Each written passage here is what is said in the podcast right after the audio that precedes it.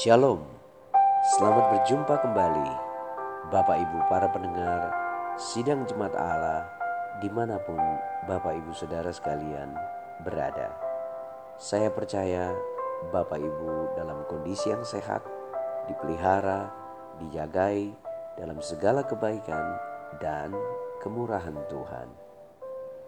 Kita akan segera mendengarkan renungan firman Tuhan dengan judul Siapakah Yesus sesungguhnya?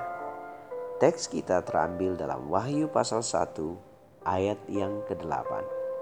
Di situ dikatakan, Aku adalah Alfa dan Omega, firman Tuhan Allah yang ada dan yang sudah ada dan yang akan datang, yang Maha Kuasa.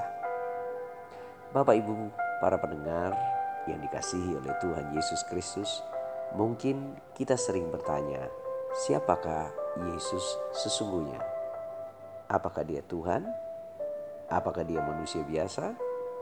Apakah dia guru, nabi, utusan dari Allah? Perlu saya jelaskan bahwa natur atau keberadaan dari Tuhan Yesus ada dua. Yang satu keilahiannya dan yang kedua kemanusiaannya.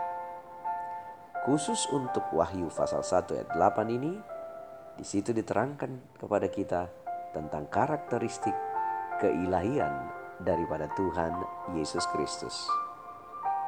Yang pertama, di situ dikatakan dia adalah Alfa dan Omega, yang awal dan yang akhir. Ia mengetahui segala sesuatu dari awalnya hingga akhirnya. Dia Maha Tahu. Yang kedua, di situ dikatakan yang ada dan yang sudah ada dan yang akan datang. Jadi, dari teks itu kita melihat tentang kemahahadirannya dia sudah ada sebelumnya, dia sekarang ada, dan yang akan datang ada. Dan yang ketiga, di situ dikatakan yang maha kuasa, sumber segala kekuasaan dan otoritas. Dia adalah yang maha kuasa. Nah, dari Wahyu pasal 1 ayat 8 ini kita dapat belajar tentang kemahakuasaan Tuhan Yesus, kemahatauan Tuhan Yesus, dan kemahahadiran Tuhan Yesus. Alfa dan Omega menunjukkan kemahatauannya. Dialah yang awal dan dialah yang akhir. Dia tahu segala sesuatu dan mengerti segala sesuatu. Jadi, Bapak Ibu Saudara sekalian, mungkin kita sedang dalam tekanan, sedang dalam berbagai macam pergumulan akibat banyaknya beban dan penderitaan, sehingga kita berkata, "Mungkin Tuhan tidak tahu apa yang sedang saya alami." Saya perlu kasih tahu, Dia adalah Alfa dan Omega, yang awal dan yang akhir. Bapak Ibu mungkin tidak mengerti jalan yang harus ditempuh ke depan.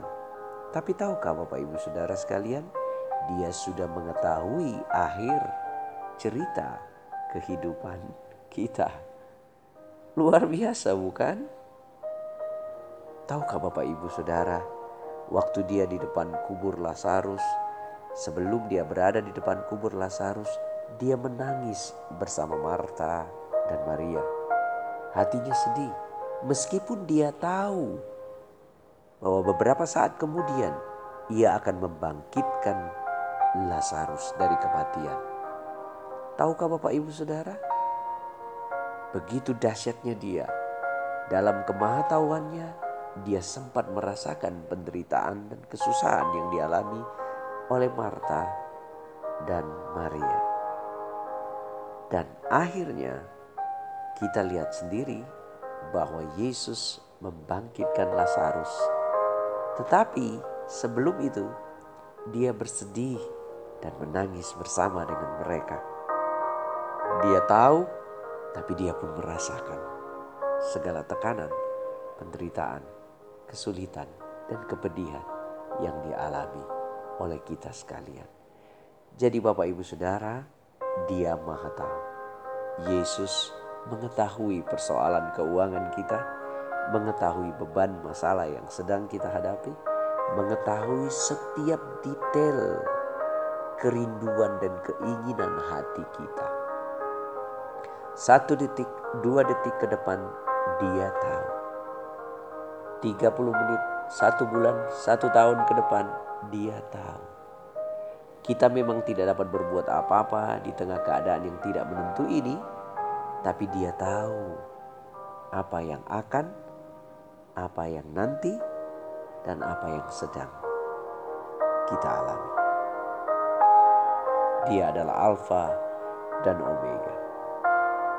Yang kedua, Bapak Ibu Saudara, Dia Maha Hadir. Dia yang dulu sudah ada, yang sekarang menyertai kita, dan yang akan datang menyertai kita. Itu berarti apa? Dia tidak pernah meninggalkan kita sendirian. Banyak orang bertanya, di manakah Tuhan di saat tekanan, di saat kesulitan? Apakah Tuhan telah meninggalkan umatnya? Tidak, Bapak Ibu Saudara sekalian. Dia hadir menyertai umatnya. Yesus pernah berkata di dalam Matius pasal 28 ayat yang ke-20. Aku menyertaimu sampai kesudahan zaman. Kita mungkin sedang dalam pergumulan hari ini. Dan kita merasa sendiri, kita merasa tertekan, tak ada teman, tak ada yang dapat dimintai tolong, mungkin kita boleh datang kepada Tuhan Yesus. Dia akan memberi jalan keluar kita dengan mengirimkan tangan-tangan pertolongannya lewat sesama, lewat orang lain, lewat orang-orang yang kita kasihi. Nah, Bapak Ibu Saudara sekalian, Dia Maha Hadir. Dia yang sudah ada dia yang sedang menyertai kita, dan Dia yang akan datang. Yang ketiga, Dia Maha Kuasa. Mungkin banyak orang berpikir, banyaknya kejahatan di dunia ini sepertinya kuasa Tuhan tidak terjadi. Banyaknya virus yang mendera kehidupan manusia, di manakah kuasa Tuhan? Bapak, ibu, saudara yang dikasih Tuhan, kuasa Tuhan tetap ada selama-lamanya di dalam kehidupan Kristus. Tak tergoyahkan, tak terbantahkan. Dia maha kuasa. Saya teringat Bapak Ibu Saudara ketika umat Tuhan baru keluar dari Mesir berhadapan dengan Laut Merah. Dan Musa mengangkat tongkatnya lalu membelah lautan. Dan lautan terbelah. Umat Tuhan berjalan di tengahnya dan laut membuat pagar seperti pagar tembok kemahakuasaan Tuhan. Tuhan memelihara tiga juta orang di padang gurun ketika umat Tuhan keluar dari Mesir menuju ke tanah perjanjian. Bagaimana dia melakukannya? Dia memberi makan sebanyak tiga juta orang selama 40 tahun. Saya pikir catering mana yang akan sanggup untuk mencukupkannya ya. Selama 40 tahun itu Tuhan tidak hanya menyediakan mana roti yang turun dari sorga, tetapi juga menyediakan daging berupa burung puyuh. Sungguh luar biasa kemahakuasaan Tuhan. Dia juga yang membuat Petrus dapat berjalan di atas air. Dia juga yang berkata kepada Setan yang menguasai seseorang di Gadara untuk pergi dan meninggalkan orang tersebut. Dia yang membuat orang lumpuh berjalan, orang tuli mendengar, bisu bicara, yang buta melihat. Kemahakuasannya tidak berubah, dahulu, sekarang, dan sampai selama-lamanya. Dan dia adalah Yesus. Tahukah Bapak Ibu Saudara sekalian? Bahwa tiga karakteristik ini membuktikan keilahian, Kristus. Omnipoten, maha kuasa. Omnipresent, maha hadir. Dan omni sign, maha mengetahui. Jadi Bapak Ibu Saudara, kita tidak usah ragu lagi mengikut Yesus. Dia tahu, dia hadir, dan dia sanggup memulihkan kehidupan kita. Tuhan Yesus memberkati kita hari ini, Bapak Ibu Saudara sekalian. Kemurahan, kebaikan turun atas kehidupan kita. Diberkatilah suami, istri, anak-anak kita, cucu dan mantu kita, orang tua kita di mana pun mereka berada. Apa pun usaha dan pekerjaan yang Bapak Ibu sentuh dan kerjakan, Tuhan membuatnya berhasil.